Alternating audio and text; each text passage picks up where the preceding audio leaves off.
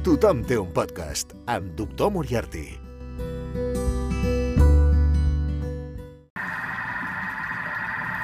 Aquest soroll és el de la Thermomix, perquè estic preparant una crema de carbassó per aquesta nit. Aquesta tarda anem a l'entrega de, del, del Cictineu, dels primers Cictineu, i clar, com que arribem tard, hem de tenir el sopar fet, perquè si no el criu se n'ha de, dormir d'hora, i perquè demà s'aixeca d'hora per anar al col·le, i bé, total, que estic fent el sopar ara, que és al migdia, que són...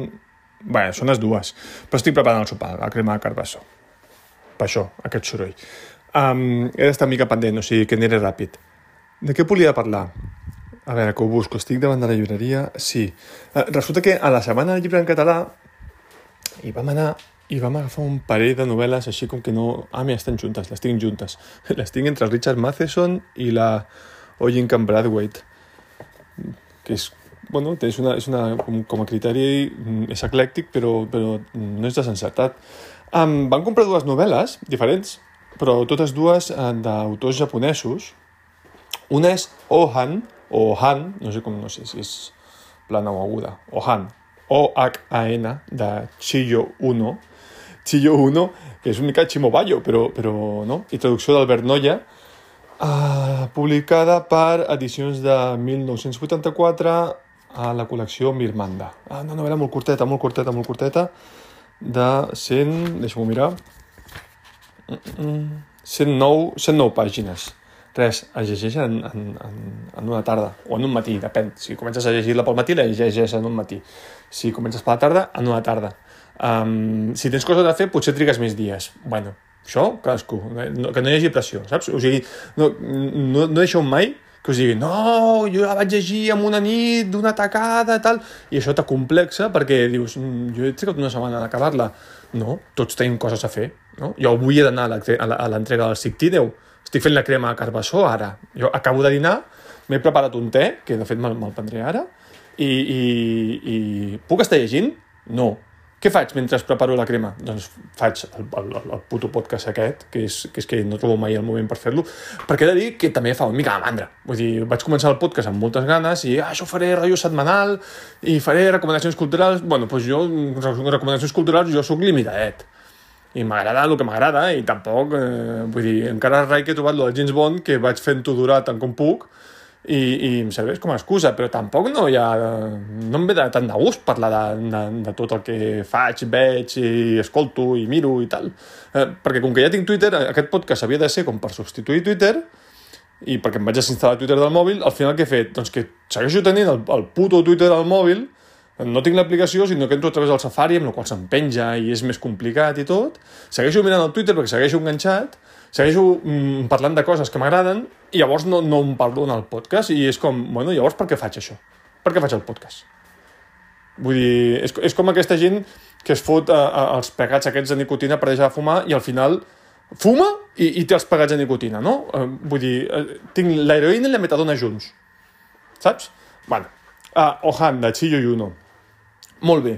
Sur sorpresa, sorpresa majúscula. Uh, Chiyo Yuno, que és autora, nascuda l'any 1897, i, i bueno, s'ha de dir que segurament la traducció d'Albert Noia és, és, és exemplar perquè és que flueix molt bé, es, es deixa així espectac espectacularment bé. És que, és que sembla, sembla una novel·la contemporània, d'alguns petits detallets insignificants que també te la, te la contextualitzen, eh, és que sembla uh, contemporània. Mira, Chiyo Yuno, llegeixo aquí a darrere. Nascuda a Kawanishi, Iwakuni, l'any 1897, Chiyo Yuno és una de les grans drames, dames de les lletres japoneses. Als anys 20 es va traslladar a Tòquio, on va començar una llarga carrera com a escriptora i va adoptar l'estil i els costums de les anomenades Moga, abreviació de Modern Girl. La seva vida personal i especialment les seves tumultuoses relacions amb els homes van alimentar en gran part la seva escriptura. La literatura d'Uno va aconseguir un públic fidel, sobretot entre les lectores de la segona meitat del segle XX. Mira, jo sóc una mica lectora de segona meitat del segle XX, que trobaven una sensació d'alliberament en les seves històries d'amors escandalosos narrades amb una prosa subtil, precisa i elegant, estic molt d'acord. Chiyo Yuno, considerada una pionera del moviment feminista al Japó, va morir el 1996, déu nhi eh? Vull dir, 99 anys. Um, després d'haver rebut diversos reconeixements oficials, entre els quals la medalla al mèrit cultural atorgada per l'emperador. Jo que sóc un alfabet, que sóc idiota i ignorant, doncs no la coneixia i, soc, de, de fet, sóc tan burro que no havia llegit la, la biografia d'ella fins ara. O sigui, em vaig llegir la novel·la com fa un mes i no he llegit la biografia fins ara. Jo pensava que Ichiyo Uno era un autor, pensava que era un home i acabo de descobrir que és una dona. Eh? Um, de què va? Doncs un paio de, de, de japonès, bàsicament, que s'enamora, està casat, s'enamora d'una geisha més jove i se'n va amb la geisha. Deixa empatat a la dona. I al cap de 7 anys està amb aquesta geisha, es troba la dona pel carrer i diu, oh, doncs encara, en, encara està de bon veure, encara me n'hi tornaria. I descobreix que la dona uh, va tenir un fill d'ell que quan la va abandonar estava embarassada i, i té un fill de 7 anys. I el tio diu, oh, doncs, què faig jo amb una geisha més jove si podria tenir una família com, com he de tenir? Llavors el tio es passa tota la novel·la dubtant de si tornar amb la dona o quedar-se amb la geisha, de si tenir una família o continuar amb l'amant. Eh, la dona diu, si tornes bé, eh? no, no li fot cap problema, diu, si tornes, tot bé, saps? Vull dir, jo també vull tenir una família i tal. Llavors, mola perquè és un personatge menyspreable, com, com, completament menyspreable, uh, és un cagadubtes, és un, és un, un Hamlet de, de, de, de les tites, uh, però que, que eh, es fa molt interessant, es fa molt interessant de llegir perquè estàs com dient, què fas, tio? Que, que, a què jugues? Què estàs fent? I a més obre la porta una espècie com de tragèdia i tal.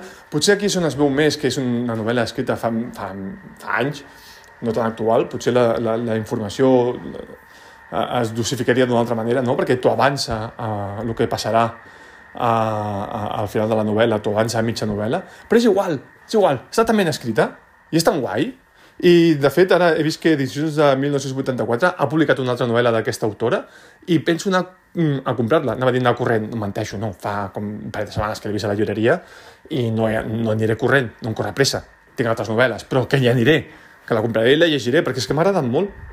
M'ha agradat molt. I després um, vam comprar un parell de novel·les més, una que es deia Midori, la petita geisha, que l'està llegint la meva dona, i ja miraré, i uh, aquesta, Sota un bosc... Espera un moment, vaig a veure com queda de, de Carbassó. 52 segons. Uh, sota un bosc de cirerers plenament florit, de Ango Sakaguchi, una edició de Kotazawa publicada per Lapis Lazuli. També molt, molt petita, molt petita vull dir molt, molt breu, i no és novel·la, sinó que són diferents, són quatre, pe quatre peces, ja, relat i assaig, d'aquest de, de, de l'Ango Sakuchi, estava, eh, és Lapis Lazuli, que fa aquesta col·lecció de, de novel·les i literatura japonesa, Uh, que va, llegiré la contraportada també, no?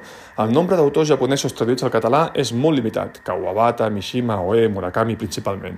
A més a més, les traduccions surten de diferents editorials i és difícil situar-les dins del panorama general de la literatura japonesa. No caldria editar una sèrie que faci possible la lectura més o menys ordenada cronològicament des dels principals autors de la literatura japonesa? Aquest és el punt de partida d'aquesta col·lecció. Espero que aquest projecte pugui contribuir a la difusió més gran de la literatura japonesa a Catalunya. Això ho diu en Cotes Au. Espera, que parlo a Thermomix. Bueno, bueno, pues, uh, soc, soc idiota.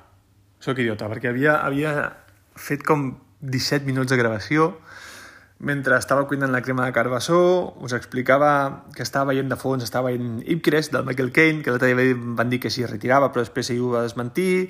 Us explicava que tenia un toc secret per la crema de carbassó, que era posar-hi una mica de safrà i farigola. Uh, soc, és que sóc molt idiota. Uh, anava, anava a parlar... No anava a parlar, ja ha parlat de la novel·la de... Més que de la novel·la, de l'obra d'Ango Sakaguchi. És que tenia 20 minuts fets, eh? Vull dir, amb el que em costa posar-me a fer aquestes coses i quan ho vaig editar resulta que només s'havia gravat 8 minuts. S'havia gravat fins que la Thermomix ha parat. És com si la Thermomix hagués parat el, el, el, el gravador, la gravadora del podcast. A la merda, total que, que ara és que com queda repetit tot el que havia dit i com que no ho tinc ja escrit res, que m'ho vaig inventant sobre la marxa, no és tan fàcil com agafar i tornar a llegir-ho, sinó és com repensar una altra vegada tot el que he dit i fa... Bah, que és que vols que et digui? Fa mandra, fa mandra. Però bueno, és igual, ho, fa, ho faré ràpid i ja està. Uh, Feu-vos la idea de que l'anterior versió era super interessant, estava molt ben desenvolupada i, i realment us, quedeu-vos en què us aconsello el sota un bosc de cireres plenament florit. No? Um, llegeixo, això sí que us recordo que havia fet, llegeixo la biografia d'Ango Sakaguchi, Niigata, 1906-1955, narrador i assagista. Fill d'una família rica que havia anat a menys, es va fer escriptor de ben jove i és classificat dins l'escola Burai, els de la fora de la llei i els bons costums, que això m'agrada molt, saps? Voleria ser un escriptor Burai, un d'aquests, uns malotes, no? La seva obra està marcada per la derrota japonesa a la Segona Guerra Mundial, això us asseguro que es nota, de veritat, es nota moltíssim llegint-lo, i era addicte a les amfetamines per poder mantenir el ritme de creació, cosa que en el meu cas no és així. Jo, en tot cas, seria el te, Addicte al te, sí, i necessito per escriure, però amfetamines, no. I la seva força narrativa peculiar el situa lluny dels grans mestres del cercle literari japonès, cosa que tenim en comú perquè jo també estic mm, lluny dels grans mestres del cercle literari japonès.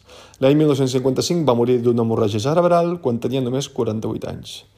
Aleshores, en, aquesta, en aquesta recopilatori n'hi ha hi ha quatre, quatre peces, espera, mira que ho he fet abans, ja ho he de tornar a buscar, eh? Hi ha el Doctor Ben, que és una espècie de, de fàbula, conte que està escrit abans del final de la guerra, és, és curiós, és un conte japonès, és, és curiós. Dic que és curiós per no dir que no me'n recordo de res, però que sí que sí que em va agradar, no? És un... Per què? Vull dir, no ho dissimulo, no me'n recordo, però estava bé, estava bé. Després hi ha el petit assaig sobre la partició, que va marcar molt durant la postguerra, perquè és un assaig fet des de l'optimisme, dient que la derrota japonesa s'ha d'aprofitar.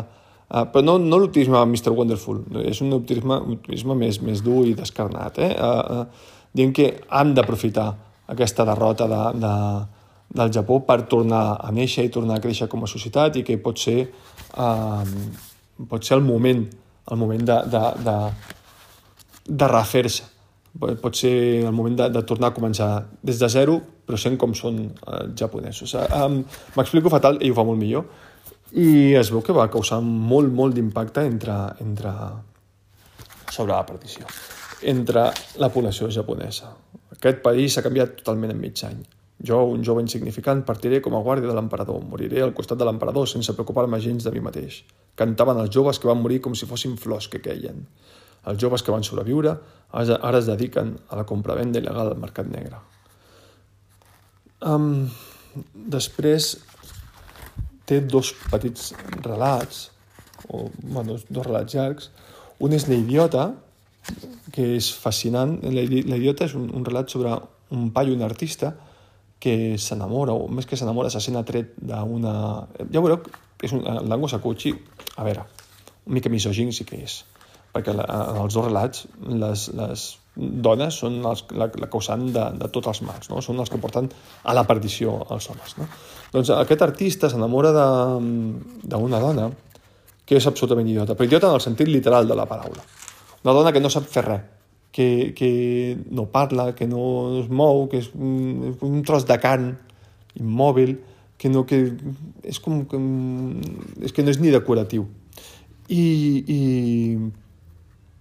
què és el que la treu d'ella? Doncs que per la nit, només de tocar-se, hi ha una atracció sexual uh, uh, superintensa, superforta, i que fa que follin com, com bèsties, que follin com, com animals. Ara vaig, estic buscant, abans he llegit un tros que estava, que donava bastant la, la, la, la sensació... Ah, aquí està. Donava bastant la sensació general del conte. Uh, doncs fa que follin d'una manera que, que, que ell no se'n pot separar. O sigui, ell està atret sexualment totalment per, per aquesta dona idiota, fins al punt de sentir-se culpable. És una, és, és una addicció. Se sent culpable de, de sentir-se atret per algú que no li agrada gens mica però que necessita, la necessita per, pel sexe i prou. Aleshores, té un pla, diu, jo no la mataré, jo no, no, no la penso matar, però sí que puc fer que quan ens bombardegin els americans, calcular la nit que bombardejaran el seu barri, tancar-la a l'armari i que mori pel bombardeig. I així, això no és un assassinat, vull dir, això és una víctima de la guerra. Um, ja no seguiré més, més per no fer spoilers, evidentment, però sí que conté de les imatges més descarnades i més crues que he llegit jo sobre la guerra i sobre els bombardejos uh, mai. I això que he llegit, el, Los desnudos i los muertos del Norman Mailer, que també deixeu, deixeu córrer. Doncs aquí, mira, per exemple, La dona idiota era especialment quieta i tranquil·la. Murmurava alguna cosa entre dents, tímidament, però les seves paraules no se sentien amb claredat. I fins i tot quan se sentien bé, eren gairebé inintel·ligibles. No sabia cuinar, ni tan sols rentar l'arròs. Si li deixaven fer alguna cosa, era possible que pogués fer-la, però si cometia algun error, i la renyaven, s'equivocava encara més perquè s'atabalava molt fàcilment. Quan anava a recollir els caviures del racionament, només sabia fer cua. I els veïns ho havien de fer tot per ella. La gent comentava que, encara que era idiota, ja era prou per ser la dona d'un boig, que no calia demanar gaire res més.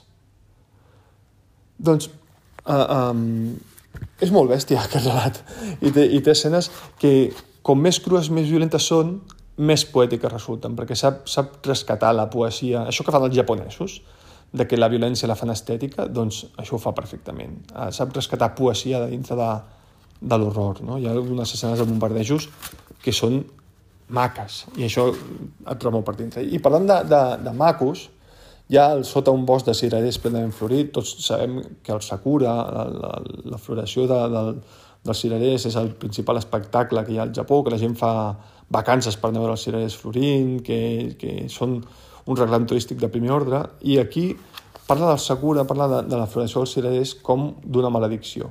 És un, que en realitat amaga una cosa terrorífica. I parla d'un bandoler, el protagonista és un bandoler, que en certa manera sembla un samurai, un ronin, però és un bandoler perquè roba la gent dels camins, que es dedica a robar i assassinar la gent, i un dia mata un home i, com a botí, es queda la seva dona. I una dona molt maca i jove que, que el satisfà de totes les maneres possibles, que ja sabem quines són, perquè són les mateixes de l'idiota. Però en aquest cas la dona no és idiota. I la dona li va demanant que segueixi robant per eh, sadullar-la, que segueixi robant perquè ella necessita eh, viure bé. Llavors el bandoler entra en una espiral de, de, de violència cada cop més intensa fins al punt que eh, arriben a baixar la capital i la dona li demana que mati, que mati, que mati, i el bandoler només fa que matar. I Ango Sakaguchi ho descriu tot amb pèls i senyals. Amb pèls i senyals. Descriu tot, els assassinats, tota la violència, i com la dona cada cop el porta a, a més enllà, no? com li demana no només que mati, sinó que talli caps. Li ha de portar caps, li porta el cap del príncep, li porta el cap del banquer, li porta el cap dels comerciants, i la dona es dedica a jugar amb els caps com si fossin titelles. I els caps es van podrint, i es van fent malbé, i la dona es junta, i, i, i diu, necessito més caps perquè si no m'avorreixo. I l'home està completament obsessionat amb satisfer-la, i cada cop, vull dir, és un, és un riu de sang eh, que no para mai, amb tots el... O sigui, no pot ser més detallista. Ango Sakaguchi no pot buscar més el detall gore i, i, i sagnant i de fet, quan em van dir que era molt Tarantino, és que Tarantino fa curt. És molt més violent, salvatge i, i gore i descarnat que Tarantino. I això és una cosa que m'ha sorprès i m'ha agradat. I a més, després, al final, ja tot una... Clar, evidentment, tot això relacionat amb la maledicció dels cirerers i és una història de dimonis, fantasmes, és una història absolutament fantàstica en l'ampli sentit del terme uh, sobre sobre un bandoler japonès i, bueno, no, no, no diré sobre què. Però que m'ha sorprès, m'ha sorprès moltíssim Ango Sakaguchi amb aquestes històries tan crues i tan, tan de guerra, tan marcades per, per, per, per la guerra i per cossos desmembrats i tot, que no m'ho esperava, amb, un, amb una portada molt maca, molt suau, molt dolça, de colors eh, pastel, que, vaja, això és tot. Això és el que havia dit abans. Mira, 18 minuts. O sigui, si fa no fa com, com el que havia dit abans. Passa que ara us perdeu... Ai, que tiro l'aigua. Ara us perdeu doncs, el, com acabo de cuinar la crema de carbassó amb la Thermomix. Però, bueno, trec el ja i me'l vaig a prendre i ja dono per acabat el podcast perquè no m'agradaria parar i que resulti que s'ha borrat una altra vegada, perquè llavors sí que no, no ho tornaria a fer. No tornaria a fer. Passaria directament a fer un Reikir, que ja és el que em toca. Que l'he de veure, eh? Però ara ja no trobo... Se m'ha passat una mica les ganes, saps? Que m'he atascat amb Roger Moore. Sabia que em passaria, eh? Però m'he atascat amb el bon de Roger Moore, que sé que hi ha molts fans. Que sé que hi ha molts fans, perquè, mira, no tenia feedback del podcast, però últimament sí que començo a tenir respostes. Eh, M'agrada el tema bon, però no coincidim gaire. Bueno, bueno, doncs no coincidim. Però és que Roger Moore eh, fa bola, saps el que vull dir? Però clar, després vindrà Timothy Dalton, que, tinc, que tinc ganes, i després Pierce Brosnan, que, bueno... Eh, per una bona que té, que és GoldenEye, també t'has d'empassar una quantitat de morralla impressionant. Um, bueno, això, que ja parlarem d'altres coses més endavant, que ja porto 20 minuts i tampoc no va enlloc. I a més, bueno, vas a prendre'm el té. thank you